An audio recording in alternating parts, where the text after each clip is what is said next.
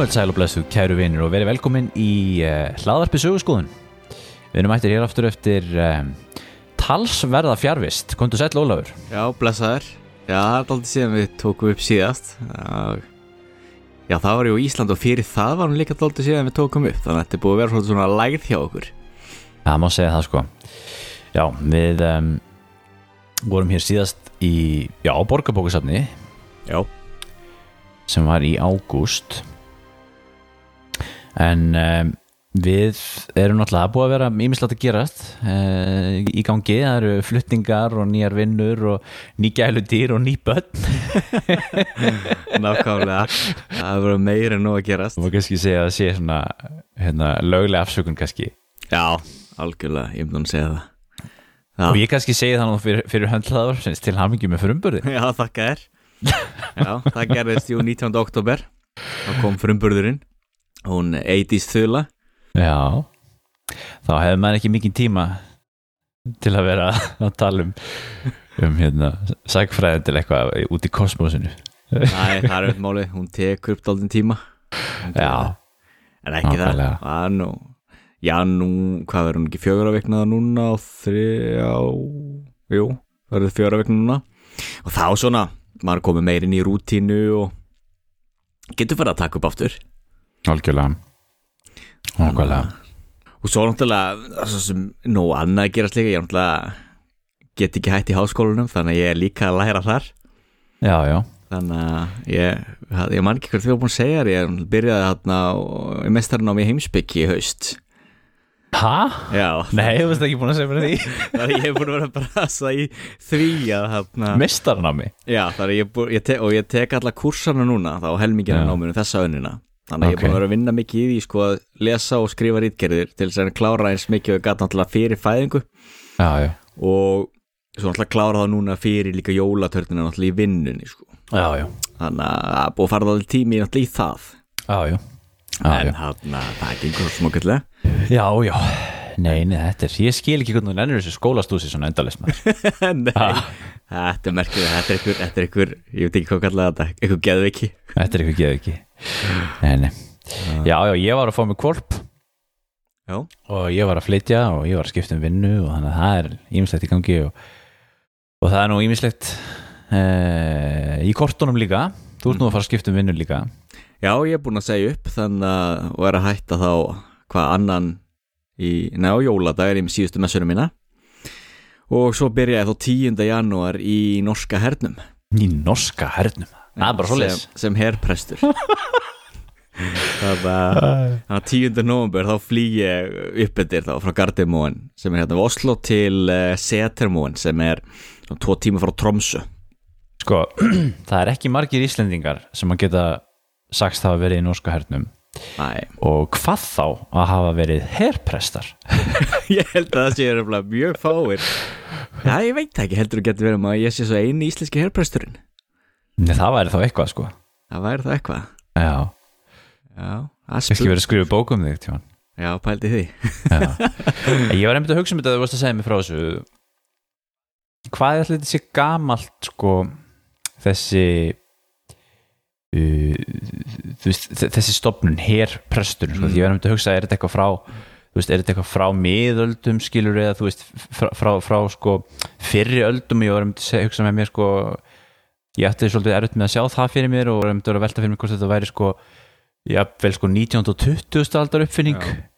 en náttúrulega hafði þið sagt þetta þá hefði ég náttúrulega getað að fara bara á Wikipedia og lesið mig til um það sko, ég var Já, ekki já. búin að því Nei, samt, það er mjög áhugað pæling Ég hef reyndar ekki búin að velta það fyrir mig sjálfur En ég myndi skjóta á að segja um svona stopnur Þá svona integrerur inn í herin Eins og er eins og í Nóri Ég myndi alltaf, það var kannski 19. aldar fyrirbriði Kannski 20. aldar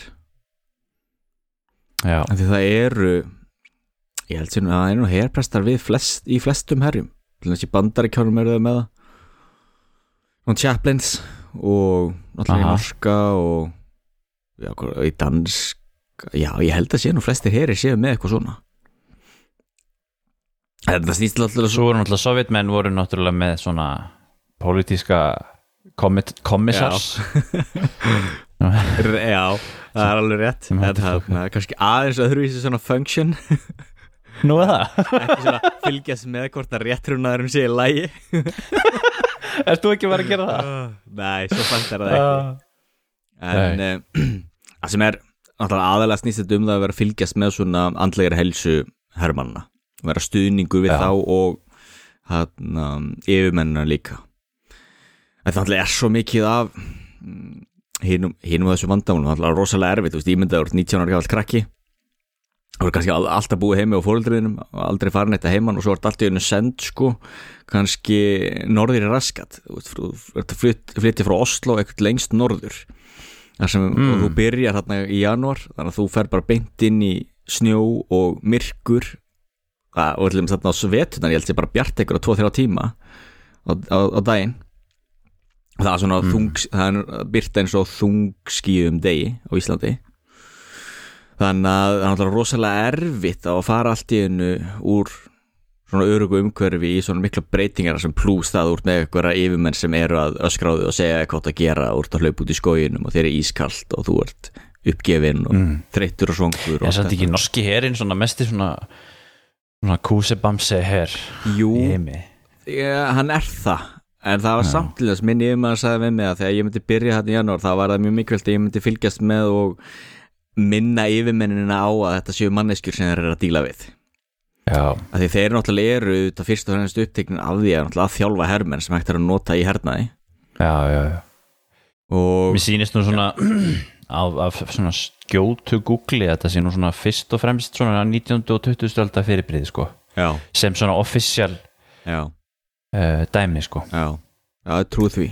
En síðan náttúrulega hafa alltaf presta náttúrulega fyllt herjum en það hefði þá meira verið þá sem sjálfstæðir eða þá við um kirkjunar ekki sem Já, það já. hluti af hluti af hernum og, og hluti af batteríinu Nei, þe- þetta eru náttúrulega svona commissioned uh, hermenn náttúrulega eða ekki Já, og eru náttúrulega officerar í hernum þú veist, Já. ég manu ekki hvað titil ég er að fá hvort ég verið kafteitt lautinant eða eitthvað þannig en þeir eru svo ofti svona kafteinar eða majórar það fyrir eftir hvar þú ert og já þannig að það fylgir í til að ég þarf að taka svona officera kurs við stríðsskólan norska, krigsskólan það er ekki svona svo full metal jacket eða eitthvað svoleiðis? Ég þarf líka að taka svona grunnleginni soldatutdannelse eins og kalla svona, svona grundvallar herhjálfun er verið að öskra mikið á menn þar?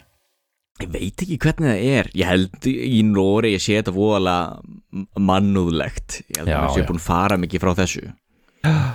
En ekki það, maður les nú alltaf Jú, þannig eru líka ákveðin vandamál og ég veit allir að það er um um, sjálfsmórshugsanir og slíka vandamál í herra Já, já. Er en af hverju er þetta samt sko af hverju er verið að hafa presta í þessu því að þú sagði mig líka að, Mhm. að sko núna væri þú veist, nútíma samfélag gerir gröfum sko fjölbreytni trúabröða og jafnbreytni milli trúabröða svona þannig að þú veist, þeir eru konur, muslimarinn í herin þá er allir verið að fara að hafa ímam eða fulltrúa þe- þeirra trúabröða skilur Já, og það er af hverju ekki bara hafa sálfræðing eða eitthvað svoleiðis? Það er svo lítið sem getur notað sálfræðingin í annað en bara þá sálfræði. Já, Hinn er, getur líka notað þá í trúalegar aðtapnir sem er náttúrulega já, hluta já, starfinu. já, já. Uh, Þú náttúrulega ert þá líka jarðafærir og svona. Já, messur. Og náttúrulega er Mm. náttúrulega líka prestið sinna þeir eru að gifta sig og, og hérna skýra og slíkt en uh, síðan er líka náttúrulega stór hluti af þessu líka kennsla. En ekki Mm. að sálfræðingur getur auðvitað tekið kennsluna en, uh, en þá erum við að tala sko um uh, siðfræðis kennslu mm -hmm. og sálfræðingurinn er kannski ekki það mikið í siðfræði, ég veit ekki hvernig það er. Svona etík, ethics. En það er með þessi mikilvæg hluti á starfinu.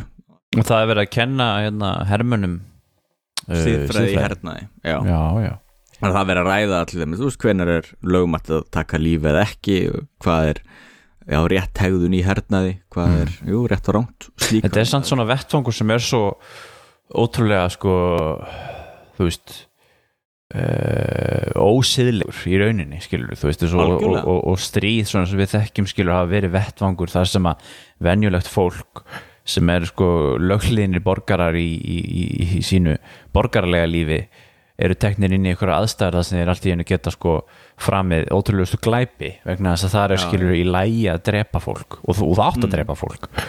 Og, veist, og svo kemur sem fylgifiskur þess að þetta sko nöðganir og ofbeldi gagvart óbreyttum borgurum og svo náttúrulega eh, eins og við þekktum til dæmis og 30 ára stríðina að menn voru náttúrulega bara hafa í sig og á í, í leiðinni sko. Já, algjörlega og maður getur eiginlega kannski maður getur eiginlega ekki ímyndið að hvað hýttur að vera erfitt að, jú, við erum aln uppið það að þú skalt alls ekki drepa og það er bara það versta sem við getum gert er að taka líf. Og svo allt í enn ertu komin í aðstæða sem er ætlast til þess að þú taki líf og þú ert þjálfaður sérstaklega til þess að taka líf. Það hlýtur að vera svolítið erfitt fyrir sko fulltrúa kirkjunar að fara stíga inn, inn á svona vettvang. Jú, en prestarnir eru í sama er í rauninu verið í sömu spennu og, og, og díla við sömu vandam og læknar. Læknar náttúrulega líka leggja eið þeir skul ekki drepa ekki skada og prestarnir eru með sko sama status og læknarnir. Með hérna rauðan kross og, og eru ekki að berjast. -hmm. og auðvitað læknirinn náttúrulega er líka í ákveðinu svona siðferðislegri klemmu því læknirinn jú er náttúrulega að bjarga sínum hermönum vitandi það að hann er að reyna að fara að koma hermönum aftur út á vígvöllin til að berjast síðan og taka líf. Og skada Já. og presturinn er líka að huga að andlegari heilsu hermannsins til þess að halda honum í ágangandi og þannig að hann geti síðan farið út á vígvöllin og barist. Mm. þetta er þetta rosalega erfitt. Já, þetta er náttúrulega fullt af álitamálum í kringum þetta allt. Og ég auðvitað, ég náttúrulega talaði marga í, í kirkjunum, margir sem lærðu með mér sem get ekki hugsað sér að fara inn í herin vilja alls ekki vera herprestar. Sko, það, já, varst ekki líka að segja það að það verður rosalega fáið sem sækjum þessar stöður og jú, það er það. Fáið sem að og menn eru ofta ekkert lengi í, í þessum stöðum. Og náttúrulega sérstaklega ekki vinsælt að fara á norður. En auðvitað er það náttúrulega líka þannig að auðvitað í náttúrulega þe- þessum, þessari stöðu þá eru náttúrulega herrmenn ekki í stríði auðvitað og stríði náttúrulega algjört svona hérna já, hvað er, hvað er orðið hvað er orðið sem ég er að leita hérna kallar frávik, undantekningar. Undantekningar ástand, já, nákvæmlega. Það var orðið sem ég var að leita. Já, og þetta er stríði náttúrulega algjört undantekningar ástand. Og, já, sem betur fyrr og hérna en einhvers staðar heyrði ég nú því þú nefndir þetta með sko siðferði og, og manneskulega þáttin og svona. Mm -hmm. einhvers staðar hef ég nú heyrt það samt sko að uh, svona, svona, þú veist, svo hvort þetta var eitthvað svona þáttur þarna á Discovery eða eitthvað svona, þú veist, það sem var eitthvað svona oh, History's Deadliest Warriors. Eða eitthvað svona, eitthvað svona þáttur Ja. skilur þess að bera saman eitthvað svona oh, The Samurai. Eitthvað svona saga dæmi sko. Já, Mér minnir það sko þá hafa auktíma verið að tala um sko að þú veist, nútíma hermenn sko uh, væru runni upplögastir því þeir væru beittir ykkur svona sálfræðilegri svona þú veist, innrætingu það sem að, það sem að sko er búið að fjarlæga þetta aspekt með að sko þú er ekki að drepa og það sé rántskil og, og það hefur verið vandamál framan af í svo mörgum stríðum fyrir hers, herfóringjana þá sem er að stýra þessu sem er þessi manneskilegi þáttur skilur þú veist, að ert með til dæmis þú býr til, til byssu skilur og, og þú segir ít á takkan og hún dreipur mannin en vandamáli er náttúrulega alltaf að sko hermaðurinn veit og er búið að innrætta hann frá, frá blötu baspinni að, að þú átt ekki að taka í gikkin og drepa mannin og hann verður hrættur og flýr og eitthvað svona skilur þetta er fyrir, fyrir svona, ef þú lítur svona kalt og teknokratist á þetta skilur þá, þá þetta vandamál fyrir þann sem er að stýra hernaði skilur mm. uh, þetta er alveg rétt. Ég las nefnilega bók sem heitir On Killing, ég man ekki hvað hann heit, heitir rithöfundurinn. Hann sem sagt uh, var uh, í bandarska hernum uh, yfirmaður lærði við West Point og slikt og hann hafði áhugaverðan bakgrunna, hann var sakfræðingur eða er hann vel hann stján á lífi sakfræðingur, sálfræðingur og atvinnuhermaður. Þá Já. sko var í úrvalshersveitum og var þá líka að berjast. Já, og hann er mitt uh, fjallar um þetta til dæmis eftir orustunum við Gettysburg sem er, hann gerir kringum 1860 í bandarska borgarstríðinu já, þá fundu þeir fullt fullt af rifflum sem voru marg hlaðinir og það, það þýtti þá þannig að þýtti þá það að hermaðurinn eða margir hermenn skutu ekki úr rifflunum sínum. Já. Þeir þóttust skjóta og síðan hlóðu þeir aftur. Þóttust skjóta og hlóðu aftur. Við, við vorum ekki að tala um þetta hérna um daginn tímann? Jú, ég, ne ég hef nefnt þetta áður. Já, og já, þetta er líka þess að tala um sko, að það var líka þekkt vandamál eða vandamál, jú, vandamál fyrir þann sem er að stýra hernum Já, að mikið að hermunum skaut fyrir ofan höfuð og ofinónum já, og þetta var þekkt vandamál allt fram að svona Vietnamstríðinu Mhm. og upp úr því að þá er með tók bandaríski herin í nótkun nýjar aðferðir sem eru þetta einmitt á, á hana, að undir þjálfurinni að þú ert ekki, ekki að skjóta bara á skífur sem eru kjurrar eins og verið setna heimstyröld þú ert ekki að skjóta bara á einhverja skífur sem er beint fyrir fram að því heldur ert að skjóta á skífur sem allt í hennu byrtast allt í hennu skýst upp skífa og þá skýtur þú og þá er einmitt þetta, þá er verið að þjálfa viðbröðin þannig að þú skýtur á þess að hugsa um það Já. þú bara sér reyfingu og skýtur já. og þannig náðu þeir að komast fram hjá þessu og þannig náðu þeir sko að færa hvað hva var það, hvort að átti 50% eða meira voru að skjóta fyrir ofan höfuð og ofinnum upp í sko að 90% skjóti á ofinin já. það er eitthvað ekki smá munur en það var þannig að segja í setja heimstyröldin að þýsku hermennir voru einn ein bestu hermennir vegna þess að það er náttúrulega búið að innræta þá að anstæðingun væri ekki manneskjur. Þannig þeir til og með svo Já, allan á austuvík allan aukstu víkstofan þannig þar var búið að innræta þá náttúrulega í að fyrirlíta sérstaklega anstæðingin og gera þeim mikið léttara fyrir að skjóta rúsneska hermenn. Já, þú sér þetta alveg? Það væri náttúrulega verið að sjá fyrir ekki. Nei, það væri náttúrulega verið að sjá það væri nú til dæmis myndin að brjóðast út stríð á, á Kóruðskaga í dag. Já. Og þar væri, væri stál í stál norður-kóruðskir og suður-kóruðskir hermenn. Mm. hvort að, að til dæmis þeir norðan frá væru, væru það sko innrættir að þeir myndu bara vera alveg klikkaði stríðsmenn eða hvort að menn myndu nú bara flýja strax? Já, það er spurning sko. Er góð spurning. Það var mjög áhugavert nefnilega. Það er eftir hversu hversu sko, að því nú til mér er, eru við búin að, þú veist, Norður Kóra er svona rosalega svona þú veist, svona spennandi topic, Mm. þú veist, hérna á Vesturlundum fólki finnst það svo framandi og, og skemmtilegt og svona mennur svo mikið að spá í því, þú veist, og það ganga svo marga sögur um þetta, þess að byluðu heila þennan bilaði heila þótt sem á sér stæði í Norður Kóru og svona. Já, síðan sko verður aðtökulegt að sjá sko þegar að þessi stjórn fellur skilur og eða þú veist þegar skástur ekki ef það fellur og, og, það verður aftur hérna, og, og, og það samina svöðkóru eða eitthvað svo leiðis sko hversu mikil og hversu djúft þessi, þessi, þessi heila þáttur ristir í raun sko að verður aðtökulegt að sjá það sko er mjög áhugavert að sjá já. hvort að þú veist uh, ég svo segi hvort hermir myndi ekki bara flýja sko á staðanum já, já. Það er líka það sem er svo áhugavert líka við herta og það allir með hlutaði af hverju byssurnar uh, voru tek, teknari nótkum fram með boga og örvar, það var náttúrulega líka þetta sko að hljóðið og kvellurinn og þannig náttúrulega hræðir líka anstæðingin og herta náttúrulega stýstum mikið um það að hræða þannig að hinn brotni og flýi. Já, já, já, já. fyrstu byssurnar að þú varst miklu skilvirkar að nota boga og örvar eða lásboga eitthvað slíkt heldur nokkuð tímar sem fyrstu byssur en þá er þetta þessi andlegi þáttur. Já, já, að það, þú veist, við erum með mi- mikinn háfa kvellur hræða anstæðingin og það sem er líka til dæmis í hernaði hjá rómurum og gríkjum að mesta mestu drápin voru alltaf eftir á þegar að annar herin var búin að brotna og anstæðingur snýri þá baki í, í ofunin ákvæðlega en það er líka eins og menna, það er líka þekkt fyrirbreyðið sem er byssusbyttingin það er eitt erfiðasta sem gast fengið þess að gera, það að nota byssustingin.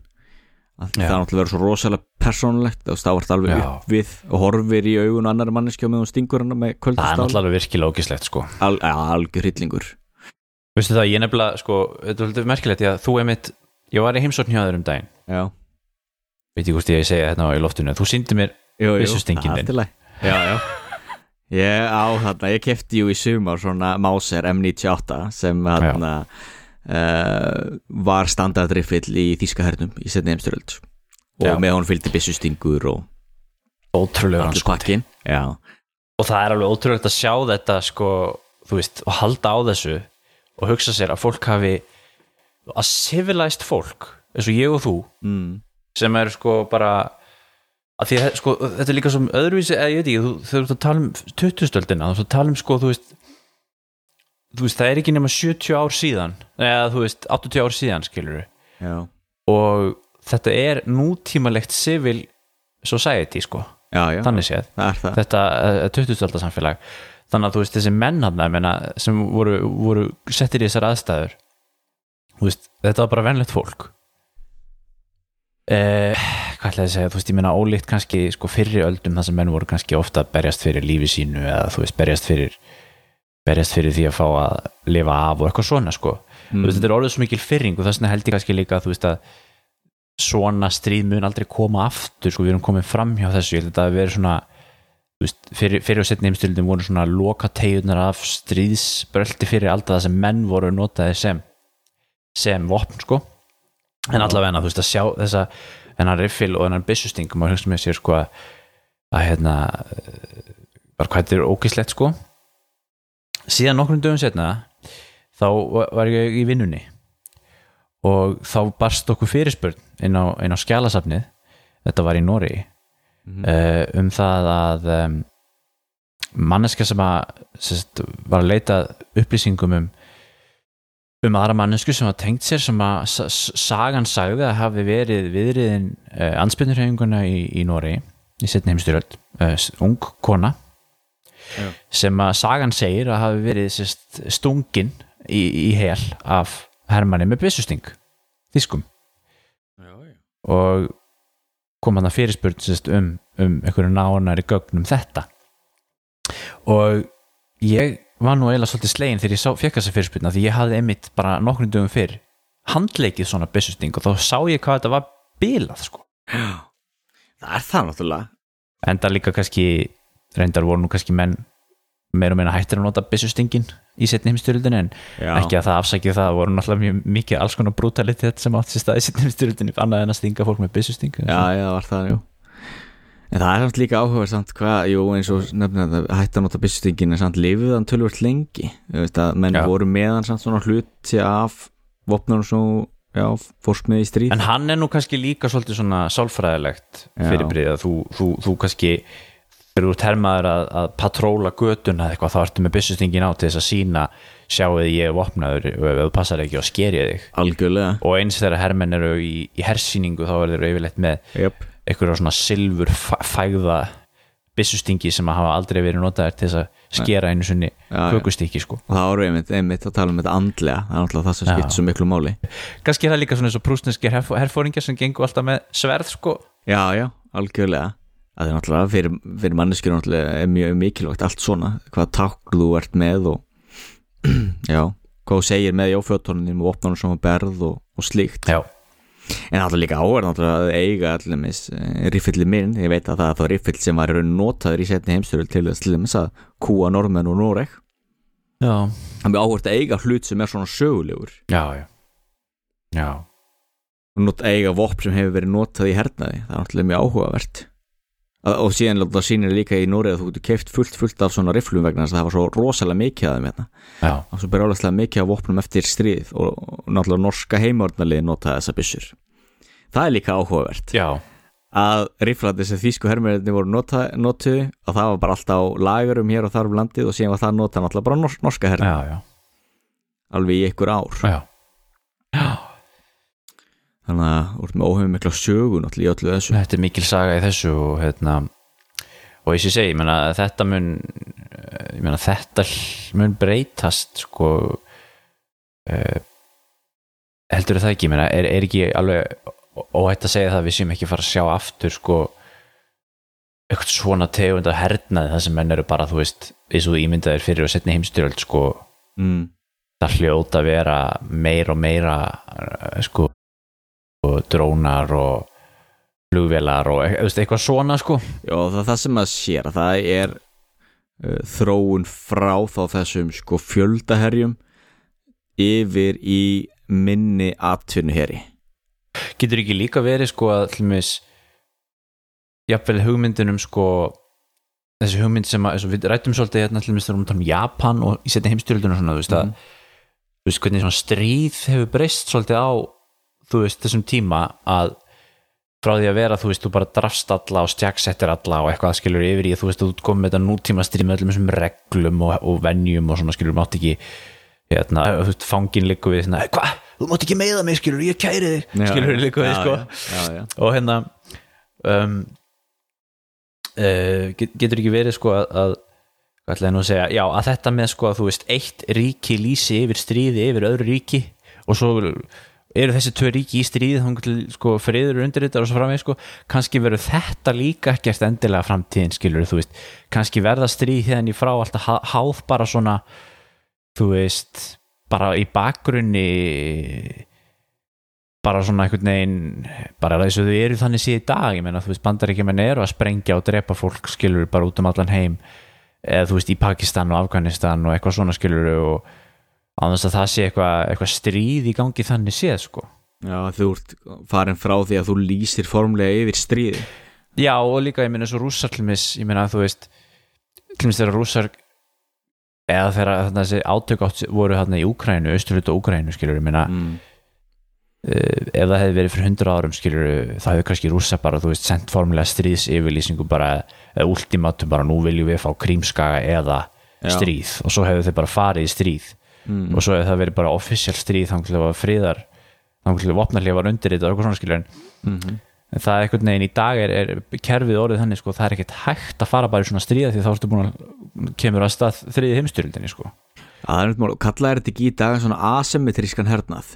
Og svo náttúrulega er þriði heimstyrildinu þetta orðin bara eitthvað eitthva sem að mun aldrei verða sko því veist, hún kemur bara í veg fyrir að Það er svona spurning hvort að þeir sögðu náttúrulega saman fyrir heimsildina þannig að spurning hvort maður þurfa að passa sig en ég skil samt alveg hvað áttu við að því að þú náttúrulega sjá um það að það er þróun yfir í meiri svona elítu hernað Já. eins og til dæmis með þarna dróna og slíkt Mhm. og í dag ég ef bandar ekki til þess myndi fara í uh, myndi hafa eitthvað algjört al, svona total war við eitthvað ríki þá sé ég ekki fyrir mér að það væri hagkvæmast að mobilisera og kalla út eins marga herminu og getur vegna þess að þú ert frekar að treysta á tækni, dróna, Já, algjörlega. eitthvað slíkt, svona atvinna algjörlega, ég, ég held að þetta 20. aldar þessi 20. aldar stríð sko veist, þau eru í rauninni sko e- það sem er verið að leika eftir sko 18. aldar og 19. aldar stríðin Já, sko og þetta stýrist á af tækninni og tæknibreitingum og tæknithróun því þú sétt oft áður að það hefur komið í svona bylgjum Uh, það hefur ve- verið einhver tæknibreiting sem leti þá til svona elituhernaðar og síðan hefur orðið önnur tæknibreiting átt sér stað aftur orðið svona fjöldaherir og svo hefur það farið þannig oft áður til dæmis eh, í miðausturlundum þessi hann kerruhernaðar, getum ekki kallað það, það, það svona chariot warfare.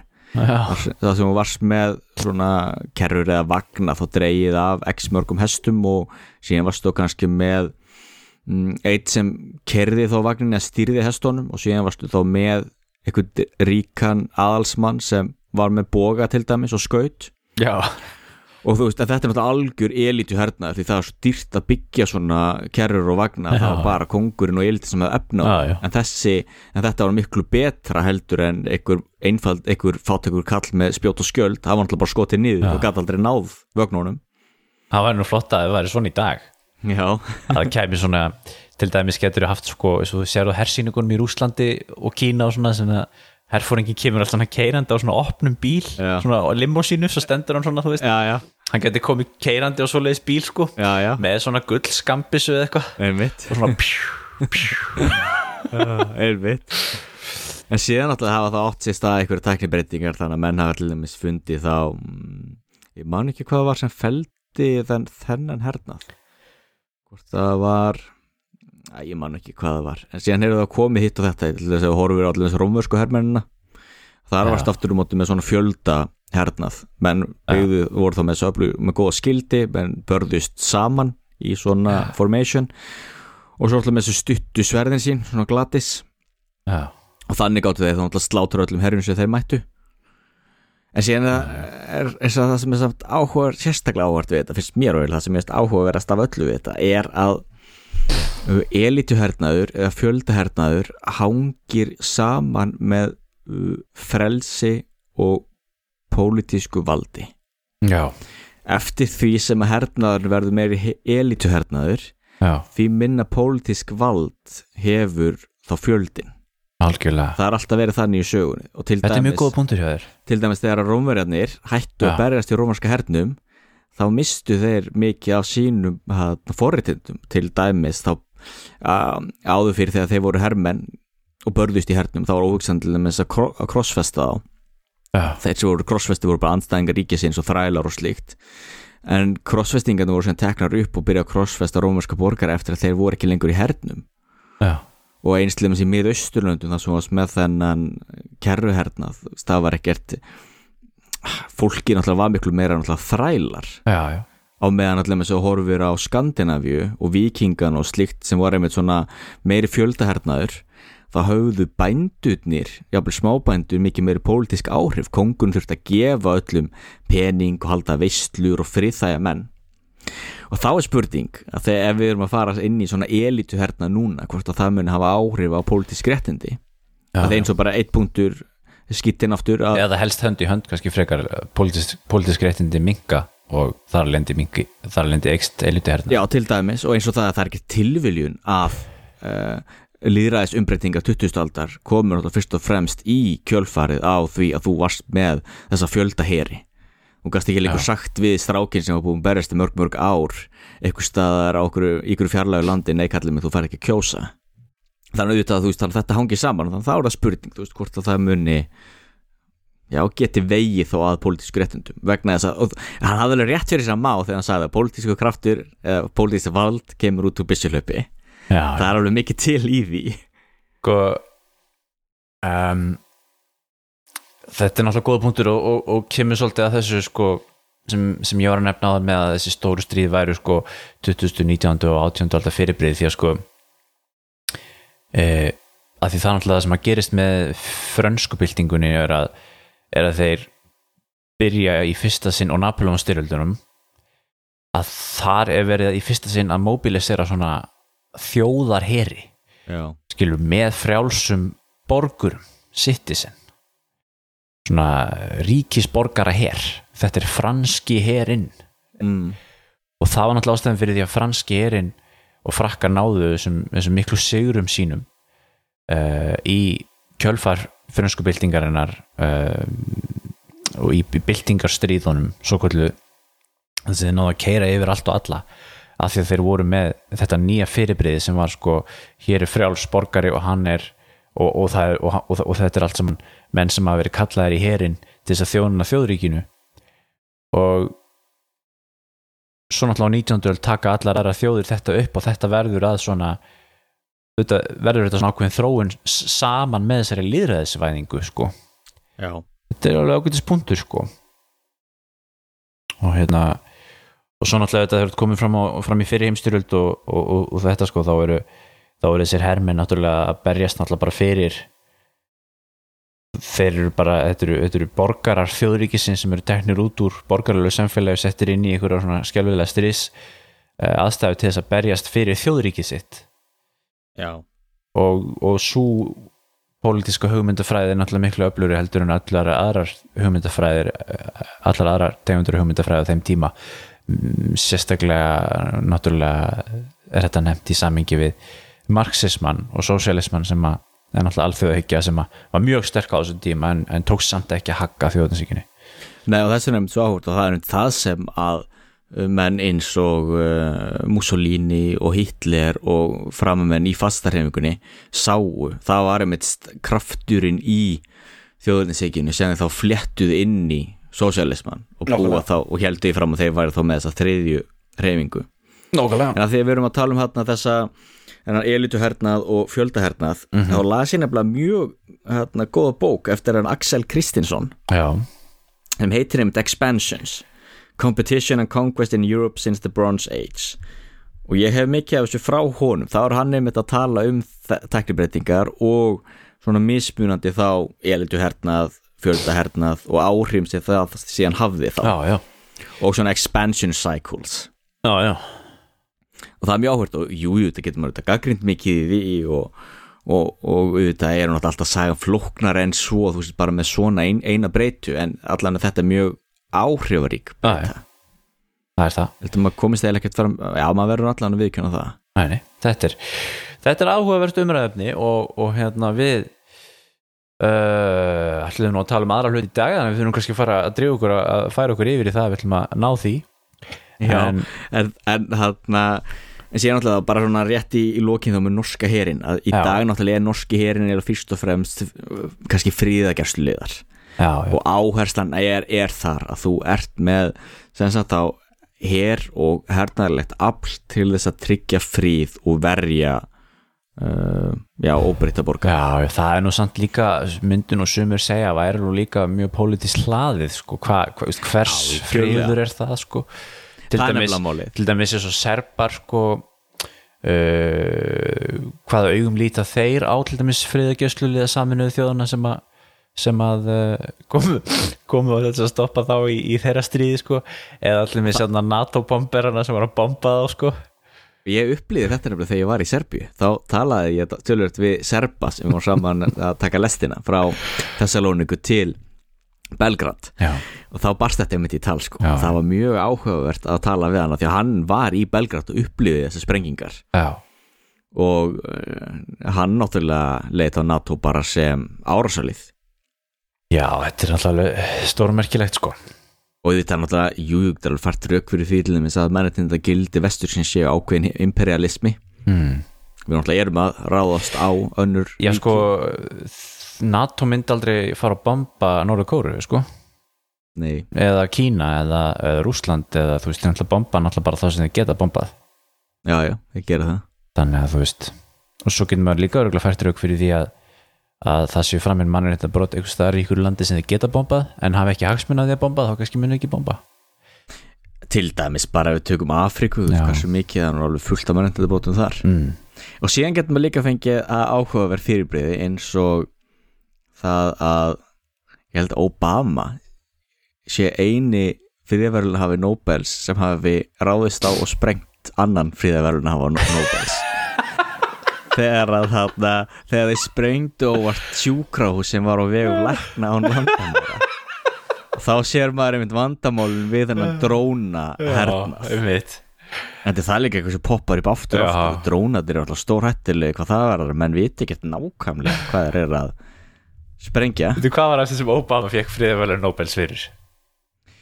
Þá var hann ekki að binda Já. enda á eitthvað stríði eða eitthvað svo Nú er stórt spurt Andri. Það er, veit það engin Nei, það veit hann nefnilega enginn. Og ég held að mér svo Obama sjálfur vitið það ekki sko.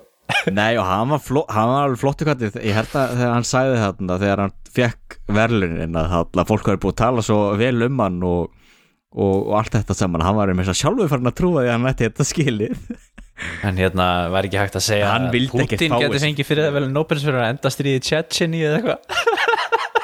Já, já, já. Nei, ég segi svo. það, hann, hann náttúrulega tala, þetta var mjög óþægilt fyrir hann að hafa fengið þessi friðverðin því hann hafði náttúrulega ekki gert neitt þetta var áður hann var, var þetta ekki bara rétt eftir að hann var fórseti, ég hafði áður. Nei, Þetta var 2009 Já, hvenær var hann fórseti? 2008 Já, ok, þannig að hann var búin að vera í smá, smá stund. Það er hérna Þetta var sérstakt. Já, já, það er nú hérna Einhverju töluðu um það svo sem var yfir friðverðunar nefnd Nobels langaði svo mikið að hitta Obama þannig að notaði hann tækifærið. Þeir segja nú hérna í, inn á síðunni sko að hann fekk þessi velun fyrir extraordinary efforts to strengthen international diplomacy and cooperation between peoples. Já, sýnist þetta nú vera svona frekar svona viðbórskend en, já, en þetta getur maður að kafa hans dýbra á nýta. Já, já, herðu, þetta er svona friðavelun Nobels. Það er það er ekki allir sem geta hlotið þann heiður. Nei, nei, alls ekki. Og hérna mér fannst nú þegar Mikael Gorbachev fekk þau velun, það var nú vel verðskuldað Já, enda, enda átti hann nú þann uh, stærsta þáttin í því að benda enda á kaldastriði það var nú algjörlega vel ver, verðskuldað að fá friðavelun fyrir það það var mjög stórt. Svo var reyndar einhvern tímann fengu þarna eitthvað alþjóð á kjarnorkustofnunin fekk þetta. Já, fyrir sko að fyrir að hérna s- sýsla eitthvað með, með hérna Íran og, og það allt saman sko. Og þegar þeir Íranir eru að auðga úran.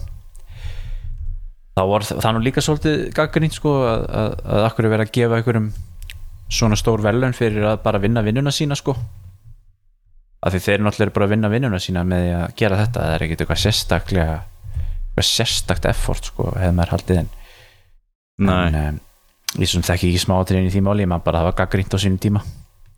Örgulega til Já. ágætt smótur og gegn því svo sem.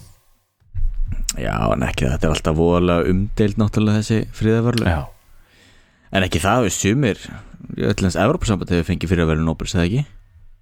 Nei, þekki ég ekki sko. Ég held, ég held það og ekki það, þú veist, Evrópusamband hefur náttúrulega mjög mikið þarna, aukið frið í Evrópu. Jú, það má alveg gefa Európa-sambandinu þá rósi nappagatið að, að hérna hafa Já, já, eins þú veist er náttúrulega flýttu fyrir falli svona fasismann svona alltaf á Spáni og, og hitt og þetta.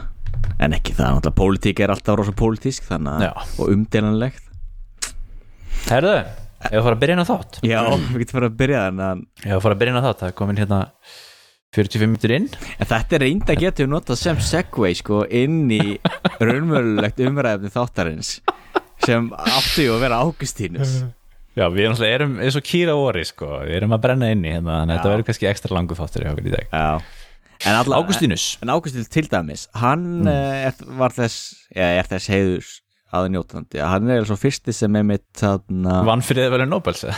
Nei, ég gerði það þetta ekki En hann eh, setti fram hugmyndinu um réttlátt stríð sem þá Kristinn sem þá Kristinn og Guðfræðingur.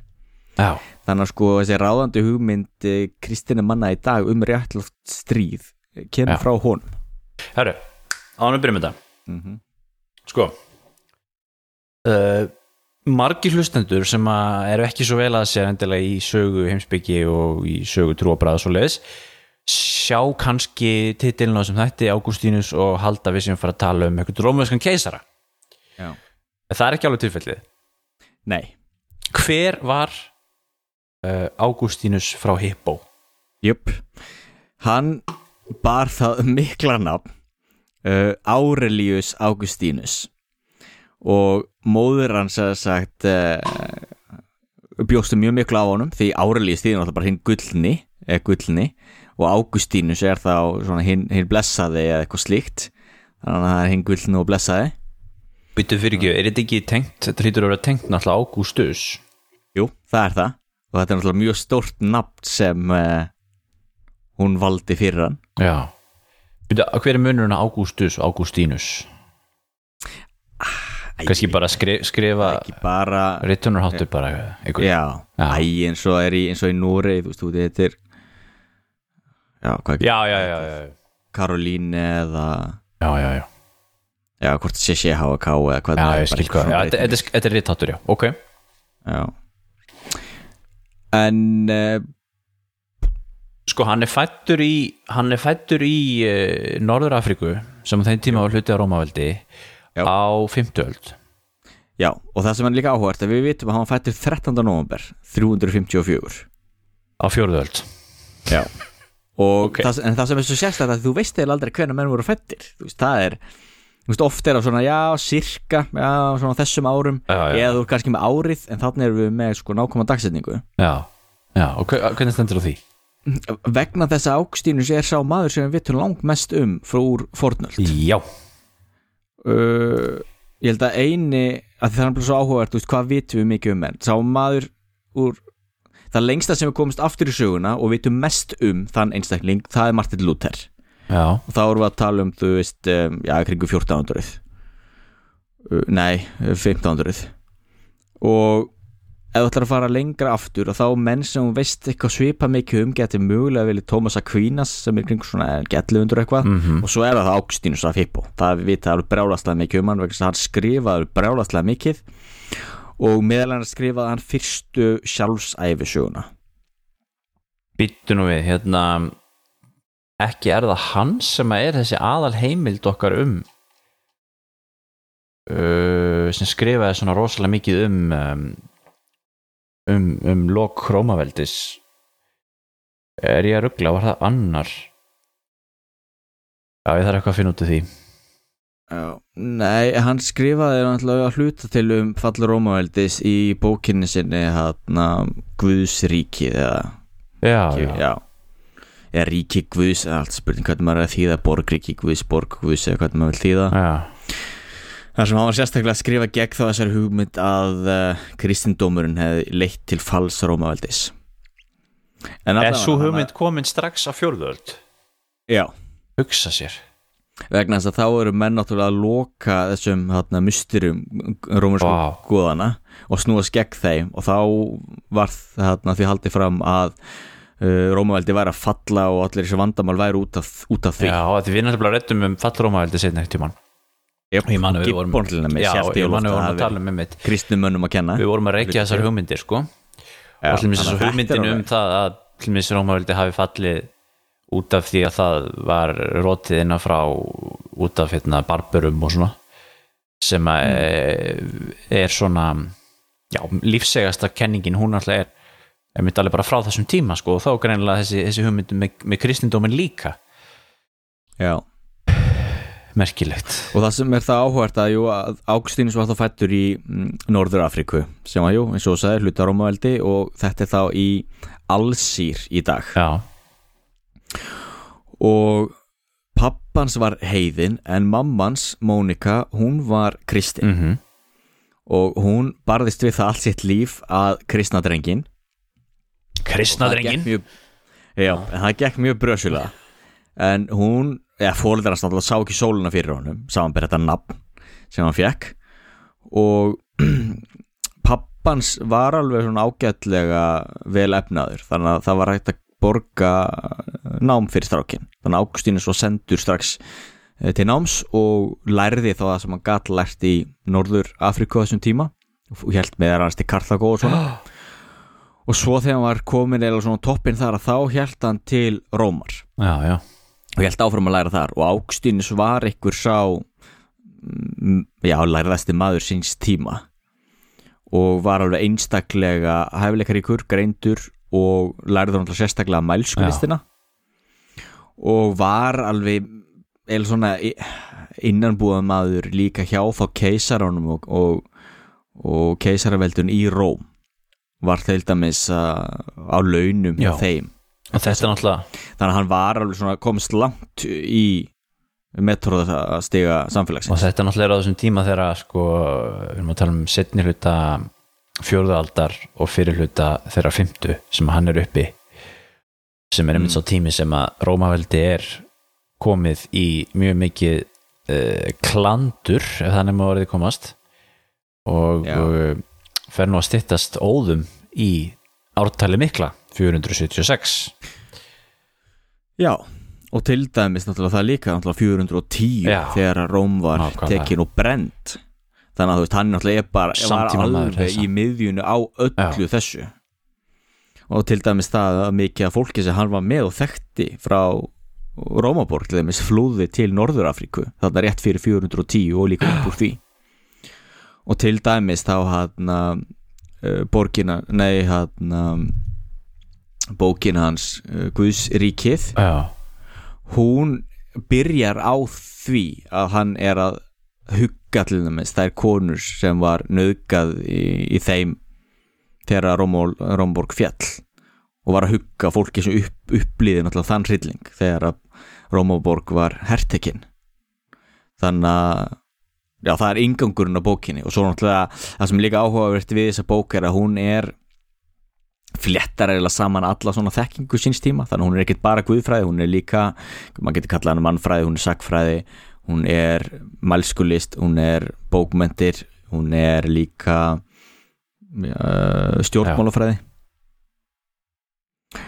Og er algjört svona grundvallar rétt líka bara í sögu vestursins og Águstínu stannlega líka hluta því sem gera hann svona stóran er að hann skrifa nokkur svona grundvallaritt. Þú veist þessi bók þá, City of God eða Já. Borgríkið, það er grundvallaratri og til og með sérstaklega í stjórnmálusögunni og svo náttúrulega líka grundvallaritt þessar hann um, játningar hans sem er sjálfsæfisagans frá þá já fyrstu, fyrstu tíð sem mann eftir fram til færtugs og sem er einmitt jú fyrsta svona sjálfsæfisagan Óvít reyndar skrifaði líka sjálfsæfisögu en hún er aðeins öðruvísi en hann er kannski svona allra allra fyrsti en þetta er svona já, hún, hún er oft köllus engu að síðu fyrsta sjálfsæfisagan og svona skrifaði hann líka mm, annað eins og um hann Kristján Doktrin sem fjallar þá til þeim um það hvernig hann fléttar saman þá guðfræði og mælskulist sem alltaf skiptið á miklu máli upp á það að þá að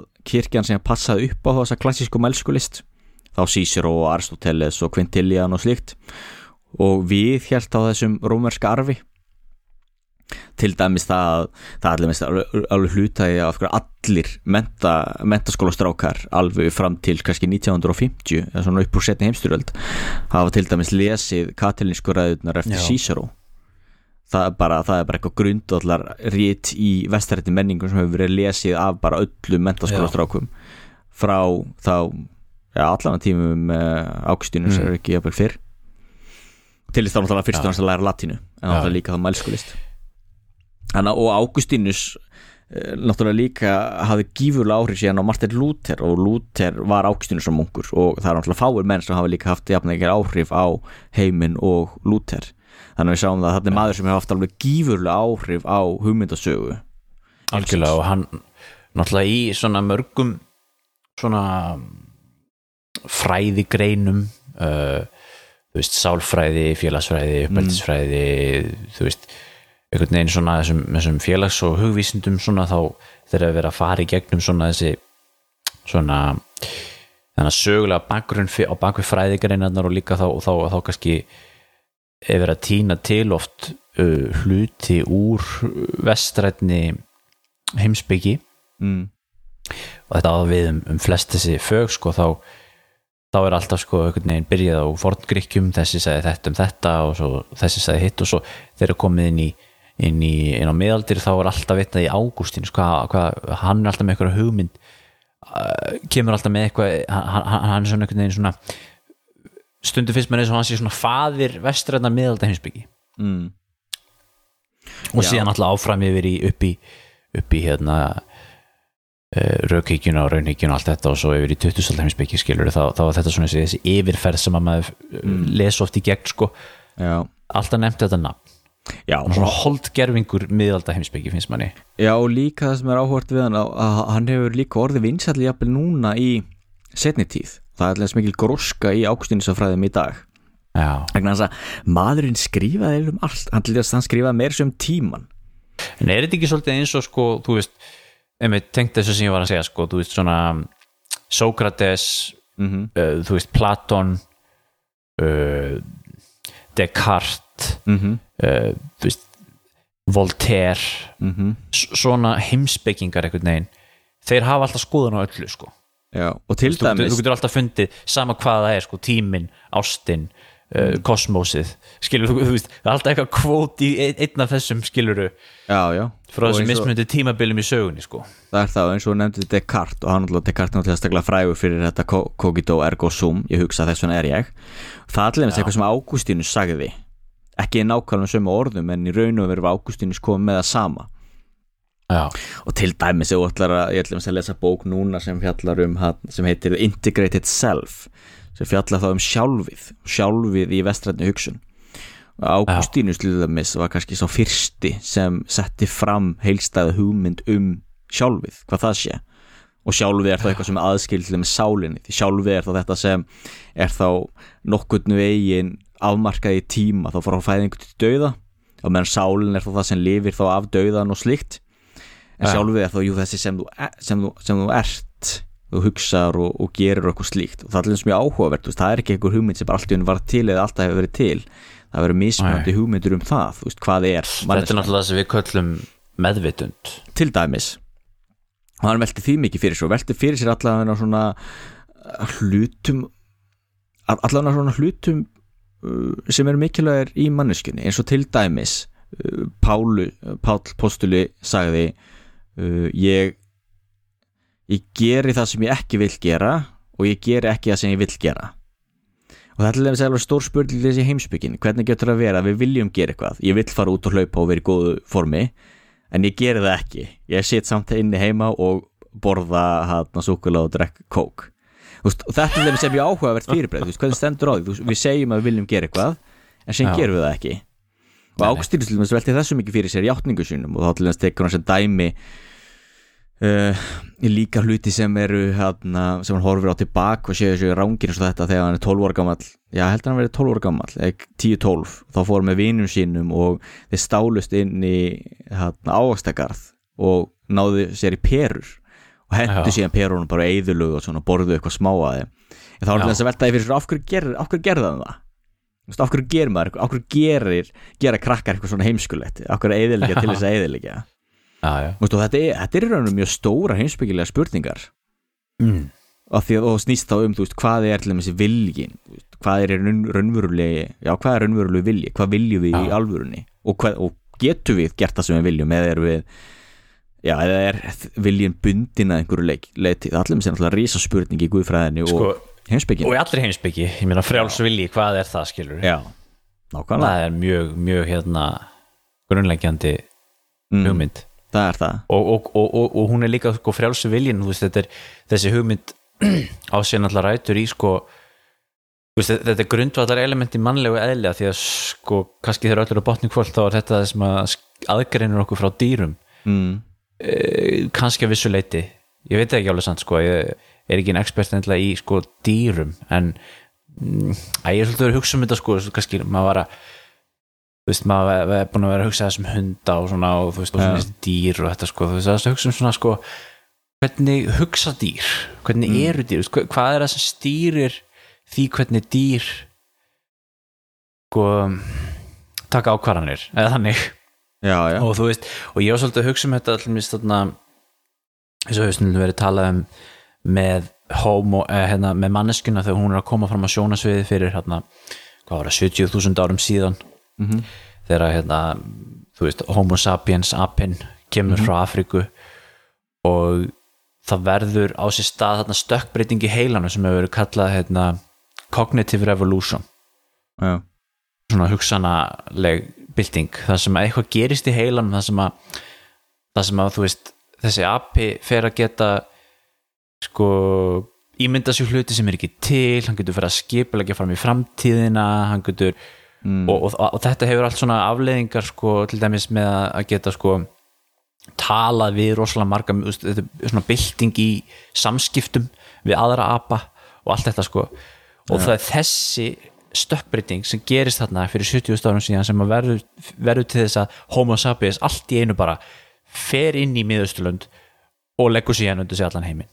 Og þú veist það er eitthvað með sko af hverju ákveður þetta dýr allt í einu bara svona, við erum búin að labba hérna ring eftir ring hérna og gera það sem við gerum alltaf sem er bara veiða og eitthvað skiluru en síðan allt í einu svona, hei, hvað hvað er þarna á þessari eigu mm, best að prófa að fara út í þessi eigu bara vegna þess að, þú veist ég get prófað að synda út í eiguna þú veist, ég þarf þess ekki.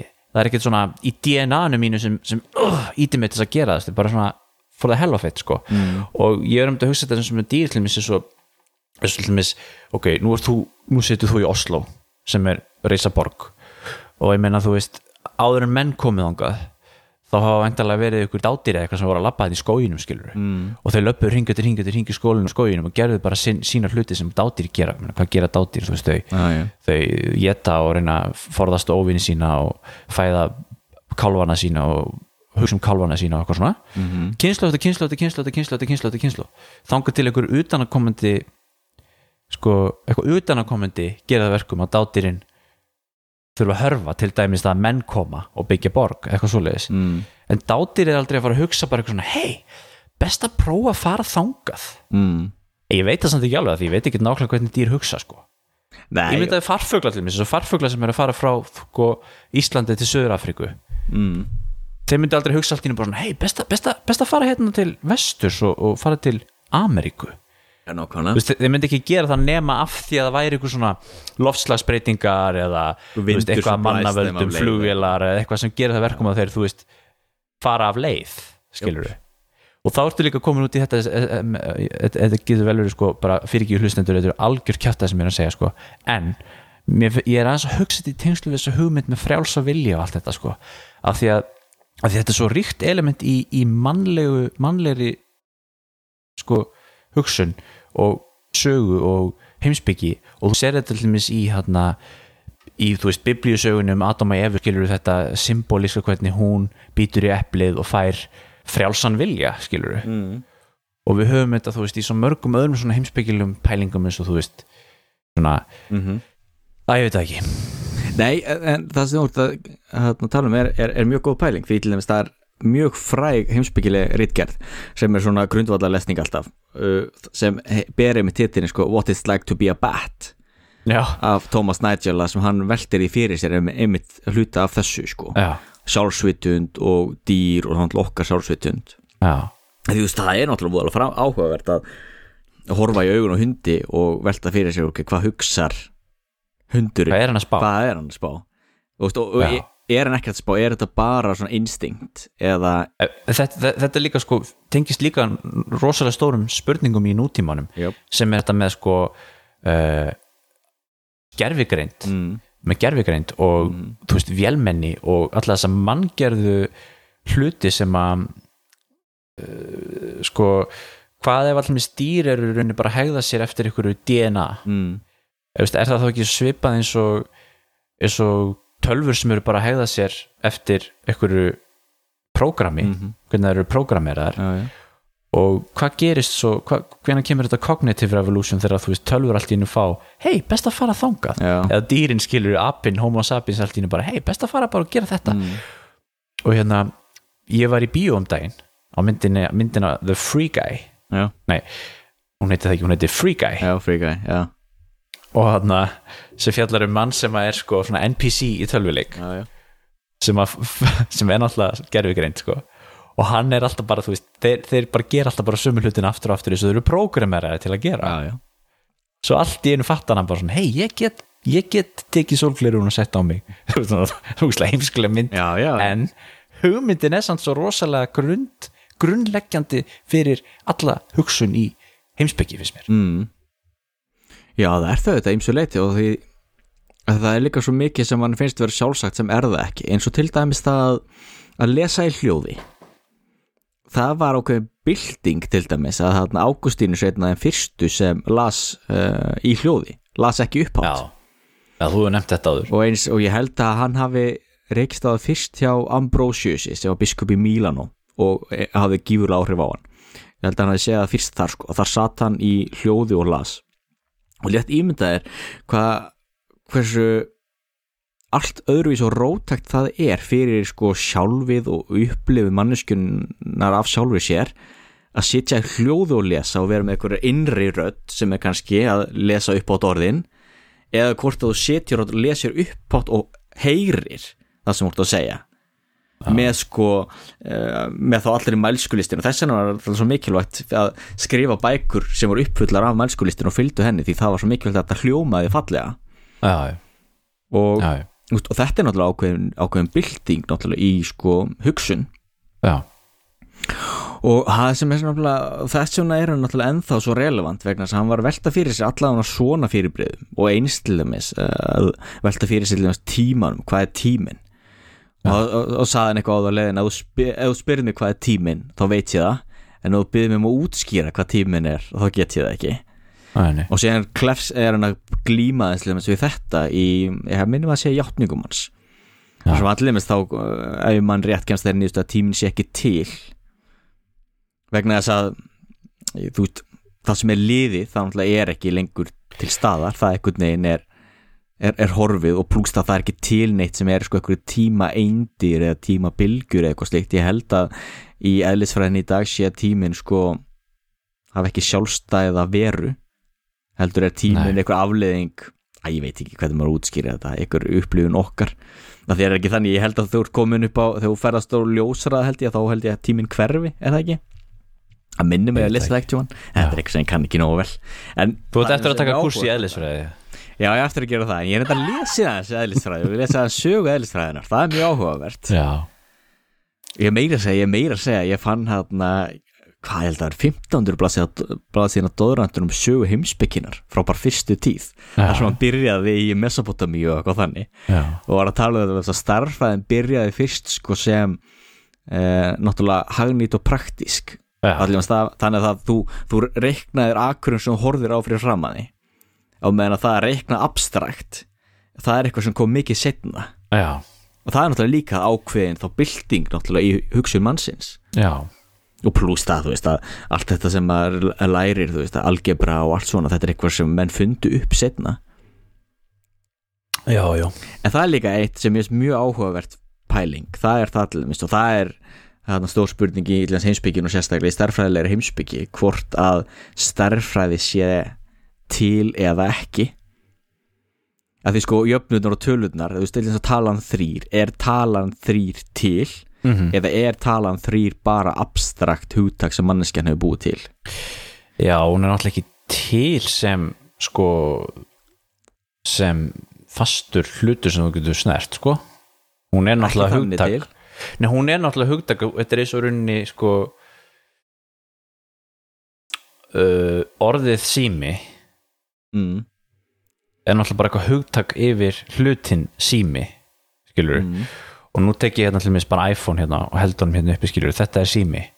En svo get ég líka verið hérna fyrir hundra árum síðan með eitthvað svona gamlan svona þú veist síma eh, sem er tengdur með, með, með snúru og ekki einu sinni með tökkum. Það er líka sími. Já, já. og hvaðan þetta orð kemur upprænlega er ekki eitthvað í tengslu við post eða eitthvað? Ég man ekki hvaðan það kom. séum ekki snúra. Jú, eitthvað svo leis þannig að sko þú veist Jú, jú. orð, orðið er náttúrulega bara og, í rauninni sko þrýr líka bara þú veist það er bara hugtak fyrir þrjá hluti en þú veist það er samt bara eitthvað sem er til í tungumálun og í hugan Já, það er um hugtæki sjálft en, en, en hugtæki sjálft samt vísar til einhvers. Þú veist eins og það að þú sérði ekki hljóðbylgjunar þú sérði ekki hljóð en við vitum samt að það er til staðar. Og þú veist hljóði vísa til einhvers og flestir starffræðingar halda því fram að starffræðin sé til Kurt Götel til dæmis eitna, hana, hann er svona frægasti ja, mikilvægasti starffræðingur sem enginn hefur heyrt um Ok. það er Kurt Götel. Og hana, hann til dæmis var þá platonisti, hann trúði þá náttúrulega að þessa jöfnur og starffræðin sem hann var að vinna með væru til. Já, að því þú veist, jú, jú, ok, ef, alla mannskjöldum myndi hverfa þá held ég samt, þá myndi ég samt segja hugtækið eða þrýr væri svona það til. Já sko, þetta er eins og, eins og hefur verið nefnt sko 2 plus 2 eru 4 og hefur verið það frá upp, upphafi alda og verður það líka þr- þrátt fyrir að sko allur efnisheimurinn eyðist og allur alheimurinn eyðist og það er ekki til neitt eftir þá er samt 3 plus 3 en þá 4 skilur mm. en það er samt engin til til þess að hugsa þá hugsun? Nei. og þú getur rauninni líka sagt sko Andri uh, Andri Jónsson eh, er til núna árið 2021 en sko svo deyja allar manneskjur og Andri Jónsson deyr og allur efnisheimurinn ferst og það er ekkert eftir. En, hugmynd, en það sem það er ennþá til sko hugmyndin Andri Jónsson var til. Mm. en það er sem engin manneskja neitt, neitt, neitt, neitt hugsandi vera til sem getur hugsað þá hugsun. Nei, nei, þannig að þú veist í rauninni er þetta kannski bara sama, þetta er bara hugsun í hausnum á einhverju hugsandi veru. Þar var einmitt margir sem var mjög ósámála ég skal trúa því en ekki það, ef heimsbyggi snýst um eitthvað þá var það uh, allavega ekki að komast að niðurstöðu. Nei, nákvæmlega. Herðu, aftur á Ágústinusi mm uh, af hverju tengi ég hann svona rosalega mikið við kristna miðalda heimsbyggi vegna þess að hann varð rosalega uh, vinsæll síðan á miðöldum sérstaklega svona upp úr hámiðöldum. Já, þá var mikið hort til uh, hans skrifa og hann náttúrulega líka tengdur þá þessum hérna þessum mörgum endurreisnum sem voru á miðöldum. Einmitt. Það er ekki þannig að það var bara þessi eina endurreisn kom hann einhver lók miðalda heldur var allavega uppgötvanir og gróska í miðalda fræðunum já, og Águstínus náttúrulega var fullkomin fyrir allt slíkt því hann fléttaði saman uh, biblíunni og uh, arfleið fornaldar. Að það var ekkert margir, sumir í kirkjunni vildu ekkert af fornöldinni eins og. Tertullian sem var einmitt frá Norður-Afríku líka. Hann er svona upp í kringum uh, 200 eitthvað ef mann rétt. Hann spurði til með hvað hefur Aþena með Jérúsalm að gera? Og þá átti hann alltaf við að hann hafði engan áhuga okkur heimsbyggju og þannig, það var bara biblían. Þannig að hann vildi kasta þessu öll til hliðar. Já, en þetta er náttúrulega auðvitað, í heimi sem að þar sem að sko uh, allir lifa í svona kenningafræðilegu rými sem er trúabröðin mm -hmm. sem er trúarbókstafur. Og allt svona stjórnkerfi manna og hugmyndakerfi manna ríkjandi á þeim tíma er, er í tengslu við þann bókstaf. Já, og uh, þá kannski verður hérna Águstínus sem eins og segir í þessum endurreisnum og svona þá er hægt að nota hann sem uh, réttlætingu til þess að taka upp svona uh, hvað heitir þetta svona raukfræðilegar uh, kenningar um, um þú veist um raunheimin og eitthvað svona mm. og, og, og réttlæta af því að hann er á sama tíma náttúrulega þú veist, tengdur kirkjunni og trúni Mm. Já, og náttúrulega kristindómurinn náttúrulega er að ymsverið getum að sagt sko þessi mm, að kristindómurinn er afsprengi þess að geðingdómur og þá biblían og gamla testamenti og allt það mætti þá hellenismanum Já, og fornöld. Og eins og nýja testamenti er náttúrulega fullt af sko grískri heimsbyggi eins og logos húttæki sem er nefnilegast að nota í byrjun Jóhannes tala um Jésús sem logos já, já, og logos er þá um þetta rökhugsun og eitthvað slíkt andstæðan er þá mythos sem er þá góðsagnir og eitthvað slíkt en logosið er logosið er starffræði, logosið er náttúrufræði logosið er það sem er raunmurulegt já, já, og náttúrulega tala um að í þessari sögu heimsbygginar frá upphafi til dagsins í dag þá er alltaf þessi barátt á milli míþos og logos þessi barátt á milli raunheimsins og, og einhvers, einhvers tilbúins heims sem ekki er til nema bara í Já. á fólki. Og Á- Ágústínus náttúrulega mm, jú tók þá fornöldin og sérstaklega mælsku listina og flétta hana þá eða, eða klætta hana þá í svona kristin búning þannig að mann getur betur tekið við henni og sér náttúrulega líka það að Ágústínus skrifaði á latinu Mm. og Ágústínus kunni grísku mjög illa já, og það líka glemst oft í þessu sko að, að, að tungumál kirkjunar allan að fyrstu 300 ára svona fyrstu 400 ára var fyrst og fremst gríska Já. eða var gríska og Ágústínus er alveg þá fyrsti jú Tertullian undan náttúrulega skrifaði líka á latinu en Ágústínus náttúrulega er svo stærsti sem byrjaði að skrifa á latinu já, og séðan náttúrulega þú ert komin þarna þá er kringu 400 að, að þá er munurinn á Austukirkjun og Vestukirkjun alltaf að aukast. Mm. þannig að Ágústínus varðæli svona, svona grundvallar guðfræðingur þá líka Rómarkirkjunar og, og kathólsku, kathólsku kirkjun og svo náttúrulega er hann náttúrulega svo kallaður kirkjufaðir já, sem er náttúrulega mjög mikilvægt atrið sem að, sem að þarf að nefna já, Hva, hvað er það að vera er- kirkjufaðir? jú, kirkjufæðir það er þá að hann er svona grundvallar guðfræðingur á bakvið ímsar hugmyndir kirkjunar já, og hafið þá hann gífurlega áhrif á náttúrulega þróun kirkjunar og útskýra og kenna og hreinsa til þú veist, hvað er rétt trúnaðurinn. Til dæmis sko hugmyndin sem kom frá honum uh, erðasindin kemur frá Ágústunsi. Já, Hann- þróaði þá hugmynd uh, þrenninguna talaði hann mikið um. Hann talaði náttúrulega mikið um jú hvaða hana, hvað hlutverk fornöld þetta hafa og menningar alveg hennar. En hann er ekki forvalskenningin. Hann, hann, hann kemur ekki náttúrulega þessum kirkjuþingum og svona sem er verið að ákveða eitthvað svona hvernig sum trúin á að vera. kirkjuþing ekki þessi, mikilvægustu en, en sum kirkjuþing og til dæmis að mjög fræg baróttans fyrir Pelagius. Mm. og það er einmitt fjallað um frjálsan vilja. Pelagius hjælti fram að manneskjan gæti með viljanum einum saman lifað syndlausu lífi. Já, en Águstínus hjælti fram að út af syndafallinu hefði viljin spilst svo mikið að manneskjan gæti það ekki og verði því háð náð Guðs. Og Pelagius var dæmdur síðan sem villtrúamaður. Já, það er til dæmis svona uh, mikilvæg barátta sem átti síðan eftir að poppa upp aftur og til dæmis Erasmus og Luther til þess deildu um frálsann vilja. Svona um þúsund árum senna já, já. Það er mjög áhugavert þá sér maður þarna kemur upp aftur sama vandamáli, hvað er eiginlega viljin hvað er þá sérstaklega frálsvilji já, þetta er mjög mjög merkileg spurning. Og síðan náttúrulega líka já, og náttúrulega sérstaklega líka jú þessi erðasinds hugmynd sem hefur náttúrulega haft gífurlega áhrif já, á okkar samfélag. Maður getur ekki bara vanmeti hversu á- áhrifamikil sú hugmynd hefur verið.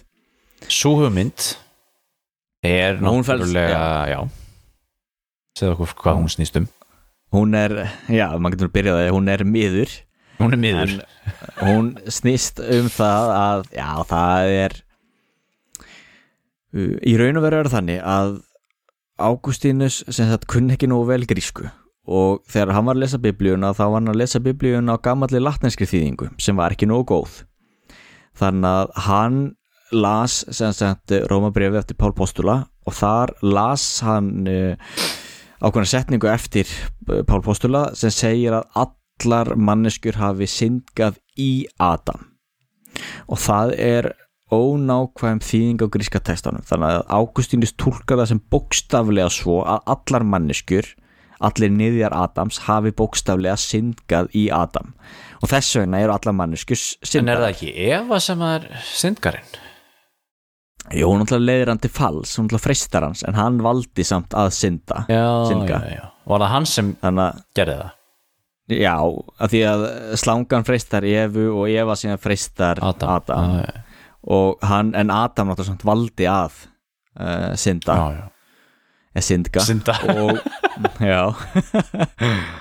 Og, það, og síðan fléttar náttúrulega líka inn í þetta náttúrulega þessum líffræðilegu hugmyndum síns tíma sem er þá sem snýst þá um til dæmis Aristoteles hjælti fram að að maðurinn myndi með sæði sínu uh, veita barninu einkenni sitt ef ég orða það sem svo. Sem sagt hver einstaklingun kæmi eða yrði, það kæmi frá manninum. Og það sem konan lagði til var ekki erðamengi eða slíkt heldur lagði hún til fæðuna fyrir einstaklingin Já, já, skilur við þannig að þetta er þessi svona inseminal theory sem var ráðandi hugmyndu þessum tíma. Já, þannig að hann fléttar hana inn í þetta þá að með hana, samförum fólks að þá er þá þessi erðasind Adams alltaf færð inn í Já, eftir einstaklingin kynslu eftir kynslu þannig að þú þarf að skýrast til þess að þurka út erðasindina afmá hana. Já, og náttúrulega gallin náttúrulega bara hann las náttúrulega bara ákveðna biblíuteksta og komst að þessum, þessari nýðustuðu og þetta eru biblíuteksta sem er mikið auðveldar að lesa öðruvísi. Þannig mm. sko þessi erðasinds hugmyndlum er ennþá jú ráðandi í kálsku kirkjunni en þetta er til dæmis ekki hugmynd sem haldið á lofti í, í okkar kirkju. En þessi hugmynd náttúrulega er sko þú veist mér finnst þetta svo ef maður hugsa svolítið svona hvað þýðir þessi hugmynd í praxis hvernig, hvernig beitur henni á samfélag þá finnst mér, þá finnst mér ég alltaf að koma af- aftur að því að þetta sé svona grundvallar element í, í þessari hugmyndafræði sem að gengur út á að sko hafa taumhald á fólki og einhvern veginn svona þú ert syndari, þú ert slæmur, þú fæðist slæmur mm. gerðu eins og við segjum og þá færðu miskun Mm. og þú veist það sem það þýðir basically fyrir grá lúsugan almenning e, til dæmis á miðöldum er sko hlýttu yfirvaldi þegiðu verður duglegur að vinna og þú fær þú ert dauður Mm. Veist, þetta er svona þessi hugmyndafræði sko, sem einhvern veginn styrkir ráðandi stjettir Jöp, allir gerir það. Og hérna svo tengist þetta líka sko, veist, líka þess að við vorum að nefna áðan með hérna uppa mannsins og frjálsam vilja líka þú veist að, að sko þegar að, veist, getur maður ekki líka sagt sko að þú veist þe þegar að Eva, nei þegar að Adam býtur að eplinu var það ekki svo lesa þá þá hérna fekk hann bliðuna kent sína og mm. og, og, og, sá munin á rétt og röngu og hafði frjálsan vilja, var það ekki svo leis? Mm. Þau voru ekki lengur bara svo dýr sem Nei. voru bara, þú veist, allsbyr í skóginum að borða og lifa góðu lífi mm þau fengu allt í hennu frjálsan vilja og gáttu hugsað sjálfstæðar hugsanur eitthvað svona mm. og veist, þetta er svo mikið, svo mikið sko, með, hérna, myndlíking fyrir einhvern veginn all lífi, bæðið sko, þetta persónlega líf einstaklingsins að þú veist, þú ert barn þú ert frjálst og saklaust barn skilur gerir bara það sem að, þú veist, ó, mamma er að út í búð ég fer bara með mamma út í búð skilur já, já, mamma pappa er að fara út á veitingastað, ég fer bara með mamma veitingastað, eitthvað svona svo ertu orðin fullorðin þá farið þinn einn frjálsa vilja skilur og þá ertu líka orðin ábyrgur gerðarinn og allt þetta Mm. og svo ertu með hérna, þennan, þessa myndlíkingu líka á, á, á manneskina sem tegund að hún byrjar sem saklaust dýr Mm. svo, fæ, svo, svo, svo, fær hún þennan frjálsavilja Mm. alveg svo þegar Adam hérna átt eplið Já, já eða Eva og hvað gerir svo? hann leggur undir sig allan heiminn hann, hann, hann eyðir dýrategundum hann þú veist beistlar náttúruna og nú eru á þeim stað að maðurinn getur eitt heiminum annarkvort með kjarnorkuvopnum eða lofslags hérna, manngerðri þú veist, línun og eitthvað svona sko. Skilur hvað að já. Þannig að þessi hugmynd er rosalega góð. Já, en það- þetta er náttúrulega hluta því sem er náttúrulega styrkur biblíunar og af hverju biblían er relevant er að biblían náttúrulega er ofta að díla við eitthvað svona grundvallar atriði og þá er ég náttúrulega alls ekki að tala um eins og með þessa sögu. Þú lest hana náttúrulega ekki bókstaflega þú veist, það, en það var það ekki pointið.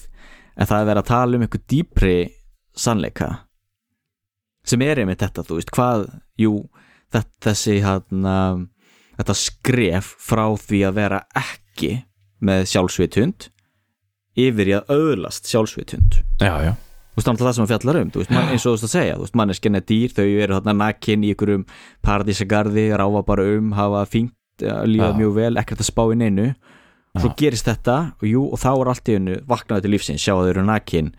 Uh, ok, þau tóku þetta ákvörðin þeim kastað út, allt í hennu þarf maður þá að fara að vinna já. og, og, og, já. og yrkja akkurinn og slíkt það er náttúrulega verið að útskýra eða það er verið að ræða, um- tala um eitthvað ég veit ekki, gamalt minni eða eitthvað slíkt sem átt sér stað það er náttúrulega líka sett sko já, eins eins í svona góðsögulegri mynd þá fa- fara frá því að vera heyrðingjar og heyrðingjar og nei, hérna, safnar heyrðingjar og safnar er yfir í, yfir í landbúnaðsamfélag mm. og trúabröðin verða náttúrulega til upp úr landbúnaðsamfélaginu og já.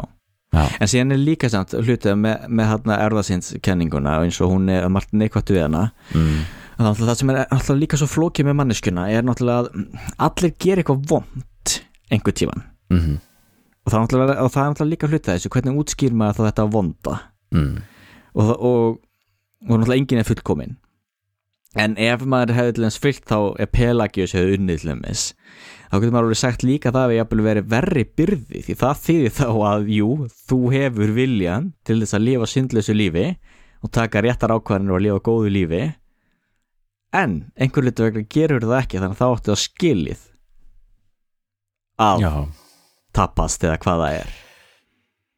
Það er líka, og, og enda það er er til þess með okkar samfélag. Og það er mjög erfitt og þess vegna er margir til þess ungi krakkar sem eiga hérna, mjög erfitt andlega Mm. er að eftir því sem við höfum náttúrulega orðið svona velmjögunar samfélag og aukið frelsi svona mikið að þá því þá náttúrulega í dag í Nóri og Íslandi að í raun og veru það eina sem kemur í veg fyrir að einstaklingurinn geti uppfyllt drauma sína er einstaklingurinn sjálfur.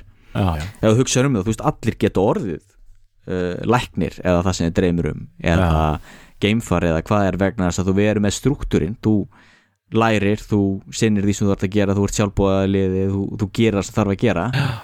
En síðan náttúrulega komum við alltaf að vilja þá náttúrulega eru ekki allir sem hafa kannski viljastyrkin það er ekki allir sem hafa hæfileikana. En þá er voðalega erfitt að þurfa að standa fram fyrir því og viðkynna það ok, ég get ekki gert þetta vegna þess að það er eitthvað sem vantar upp á mér frekar hans eitthvað struktúrar í samfélagin sem halda aftur að þér. Jú, jú, vissulega er það náttúrulega alveg rétt að, að hérna, við erum náttúrulega heppina akkurat á þessum punkti í samfélaginu okkar hér í, í þessum heimsluta á þessum tíma mm. erum við með velferðarkerfi sem að sem að hjálpar með þetta en það er náttúrulega alls ekki sjálfgefið sko og ég meina þú veist nei, það, alls það er alls ekki hefur alls ekki verið þannig í þessum heimsluta fyrir en kannski fyrir, fyrir, fyrir en kannski sko síðurluta 20. aldar Mm. og svo náttúrulega flestum öðrum stöðum í heiminum er það ekki hægt sko Nei, nei, algjörlega, en það er samt að, að þá point, þarna, að það sér benda var aðalega bara það að þegar þú gerir eitthvað eins og að auka frelsi, Mm. eins og við hefum gert í okkar heimsluta, að þá náttúrulega ferðu líka ákveðin vandamál í tengslu það, sem er þá til dæmis uh, ungt fólk, úlingar í dag sem hafa gífurlt frelsi og gífurlu tækifæri.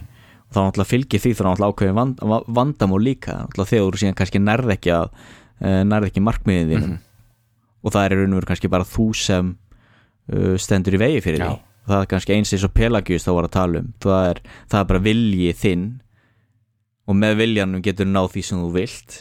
Já, já, en síðan náttúrulega er vandamál náttúrulega, jú, er það ekki ómikil einföldun? Já, já, jú, jú. En ekki það, Við- náttúrulega endalausar umræður í hérna í hinum þessum fræðikarinn og ekki það veist, í sumum mm, í tauga hvað kallast það, neurology eða taugafræði taugavísindi mm. Það er oft voðalega haldi á lofti svona ákveðin determinisma já, að í raun og veru sé, sé eins og við erum búin að tala nú mikið um frjálsan vilja það sé ekkert annað en bara hana, ímyndun já, já eins og, eins og er ekki Sam Harris sem er oft að tala um þetta Jep. í sínu hlaðvarpi Já. einmitt og hann náttúrulega er líka á kafi í til dæmis uh, hugleyslu og svona mm. og alls konar svona og mikið að spá í þessu sko. Já, já, já. já. Þetta, er, þetta er spennandi. Þetta er það, skrýtni tíma sem við lifum á, Ólafur. Mjög svo. Að það, svo, það, er, það er til svo mikið af fólki. Og akkurat hér og nú í þessum heimsluta er þetta fólk frjálst mm. eins og þú segir. Og það, það býður upp á rosalega marg tækifæri fyrir rosalega marga en svo býður það líka upp á rosalega margar áskoranir sko, þú veist, hvað á allt þetta fólk að gera og svona. Já, og hérna, já þetta er rosalega mikið af fólki, menn einhvern tímann heyrði ég uh, sá ég eitthvað, eitthvað statistík sko um það að uh, já, það er ennþá sko einhver útreikningar um það sko að, að, að hinir dauðu. Já. Það er að segja allir menn sem hafa lifað og dáið. Mm hvernig þú reiknar þá út, það er náttúrulega bara eitthvað estimat sko. já, já, en þeir eru samt ennþá fleiri hel- heldur en lifendur. Já já, veist, og að, að það skulle vera spurning er ótrúlegt. Mm. eins og einhvers staðar heyrði ég ah, hvað heyrði ég það? Eitthvað var að tala um Texas, já þetta var að drauga fortíðari mitt þannig að ég voru að tala um Vilda Vestri og um þetta var að nefna sko Texas á tímum Vilda Vestursins eða eh, hvað, hvernig þetta var ní- 1850 eitthvað, bygguðu 300 manns þar eða eitthvað. Já, já, Pældi hvað þetta er lítið af fólki. Þetta er jafn margir á Íslandi í dag. Þú veist, Það er svo ógeðslega mikið af fólki til í dag með Mm. við með við hérna sögulegan tíma sko. það er rosalegt sko. og, Það er og, það. og, og, hvað allt þetta hefur í för með sér sjáum við náttúrulega í þessum fáránlegu teknibildingum sem hafa átt sér stað bara síðustu 2-3 mannsaldra mm. og það sem mun gerast núna næstu næstu þegar með mannsöldurum er alveg ótrúlegt ég verðum til að segja við son minn í gær við vorum að, að, að tala saman og, og hérna ég var að segja við hann, við vorum að tala um tekni og eitthvað svona og ég segi og ég, ég fór eitthvað að hlæja og segi svona, ó, ó þú ert svo mikil 21. aldar maður eitthvað svona Mm. hann var fast að voru að finna svo fórum við náttúrulega að tala um þetta hann minnur kannski, einmitt, ef hann verður 80 ára eða 90 ára, þá næra hann yfir sko 2100 já, og ég finnst ekki hvað, hvað það klikkað svo fórum við að rekna og vorum að rekna sko sá tími þangað til mm. er jafn langur og 1942 og pældi allt sem er búið að gera síðan 1942 já, já. Og hvernig hlutinu munum verða núna þú veist þangað til í sko líftíma barnan okkar. Mm. það er alveg klikkun, ég hef um þetta saman og dóttir mín fætt núna, já, 2021 já, hún og eins og læknavísindin er og, og hver bara meða lífaldur núna er í Nóri þá er hún að fara að ná að lífa til 2100 og, og vel rúmlega það. Vel rúmlega það sko og það er alveg klikkun að hugsa út, út í það Vist, ég er fættur 1990 já, og pældi ég meina þess að menn svo voru fætti 1920 mm, þú veist það var bara, veist, ó, hvernig verður árið 2000 skilur já eins og, í- eins og, í- eins og segir í textanum.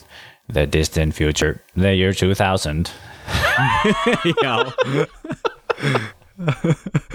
Þetta er magnað. 2021, við verðum nú döðir þá.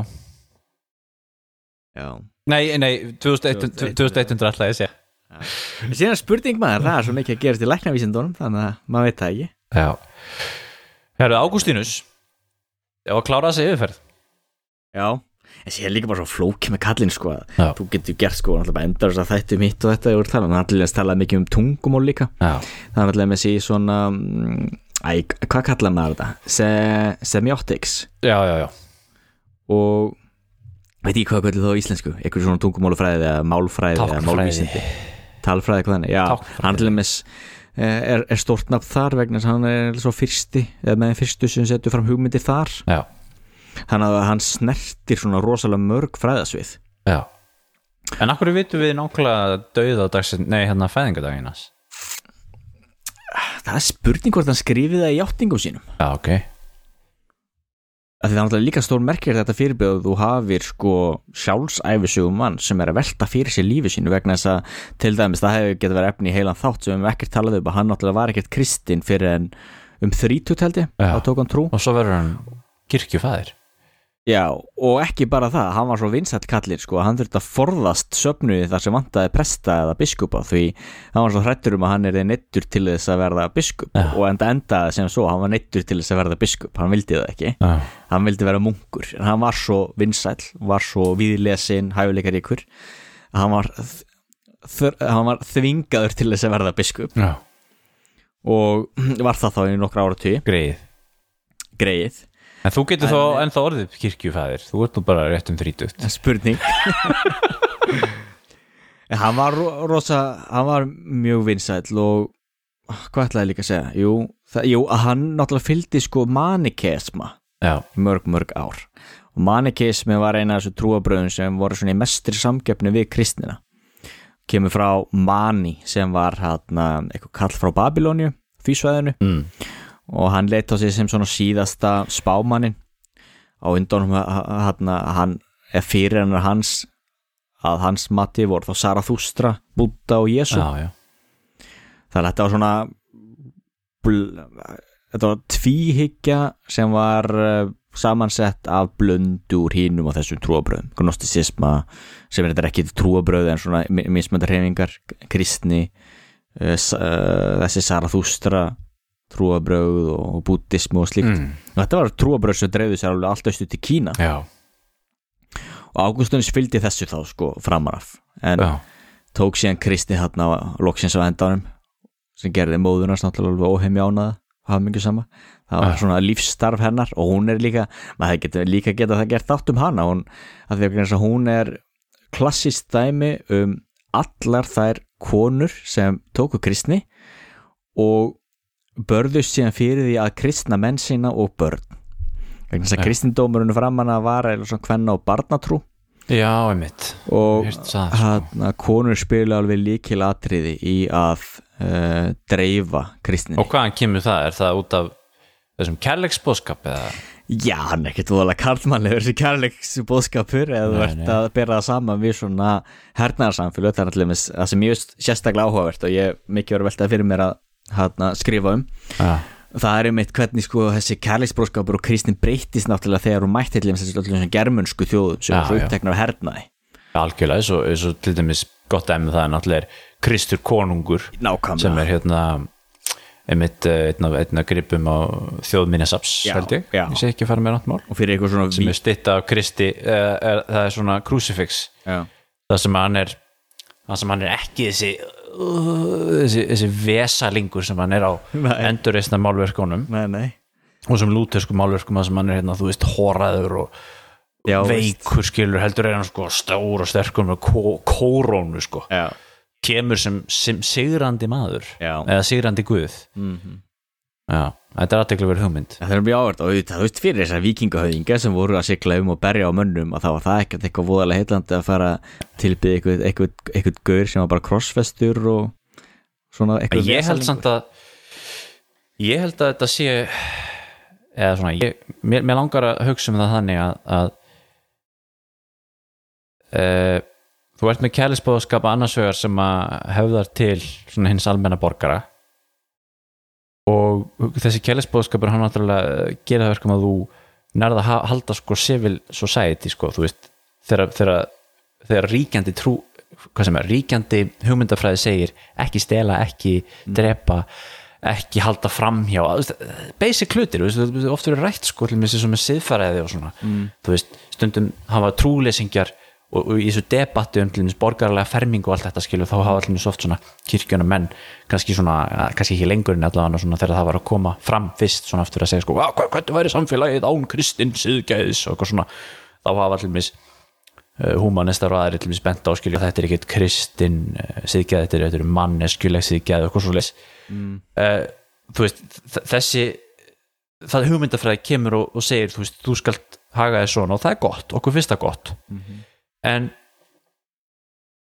og, og, og en svo sko hefðar hún líka til uh, ráðandi afla af því að þú ert með þessa hugmyndum vald og það er það sem þú hefur úr þessu uh, úr gamla testament til dæmis, svo Guð sjálfur skilur, mm. Guð er einvaldur. Veist, hann er einvaldur og drottnar yfir öllum heiminum. Og þegar þú ert að byggja upp ríki og þú ert að byggja upp vald breyta ríkislusum samfélögum í ríkissamfélög þá er þetta svo þægilegt að hafa þessa hugmyndafræði með líka sem, sem, sem styrkir valdið og, og, og réttlætir valdið Það hjálpar algjörlega en uh, síðan náttúrulega líka hlutað er það til dæmis að það er gýðingarnir í gamla testamentinu báðum konung og þá var það eitthvað sem hann Guð alls ekki vildi og þess bámaði var alltaf á móti því. þannig að gyðingarnir fengu bara konung vegna þess að þeir voru alltaf að væla og grenja og, og hérna, allir öðru höfðu konung í raun og En er hægt að væla og grænja í guði? Nei, þeir voru alltaf, já, gyðingarnir hafa nú alltaf verið mjög duglegir í því í gamla testamentinu. En þú veist, biblíun í raun og veru er uppfull af líka gaggrinni út í verallega valdið. Já, en það fer bara eftir hvernig þú lest það og ekki það, allir kristni menn ættu náttúrulega að muna það að það var verallega valdið sem krossfesti Jésu og algjörlega. hefur til dæmis um, hvað heitir hann, Jacques Ellul held ég, já, franskur uh, fræðimaður og, guð, og já, svona amatúr guðfræðingur. Hann kallaði til dæmis Kristinn anarkista. Já. og hefur mikið talað um anarkisma í biblíunni. En ekki það er náttúrulega því biblíun er náttúrulega bara svo mikið úr með allan en ekki það er alveg rétt. Allir þessi ríkisvald í Nóri náttúrulega byggt upp einmitt á þessu. Þú ert náttúrulega með drottin sem eitt konung og, og síðan ertu með konunga Guðs náð þá. Já. en jú, það kemur aðeins setna en náttúrulega konungarnir eru með þessa fyrirmyndina. Að- samla sama, samla saman valdi og slíku.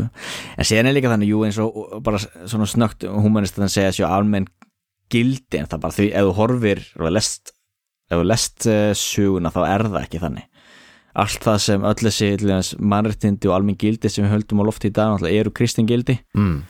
og gallin er náttúrulega, eða hættan er svo náttúrulega þegar þú fjarlægir guð úr því og ert bara þá með afhelguð afhelgaðar skoðunar og gildunum. Þá er náttúrulega spurning hversu lengi og hvort þú getur haldið því út vegna að hvað er þá grundvöllun þú veist, hvað kemur í veist, samþykir maður það bara að því að það er svona?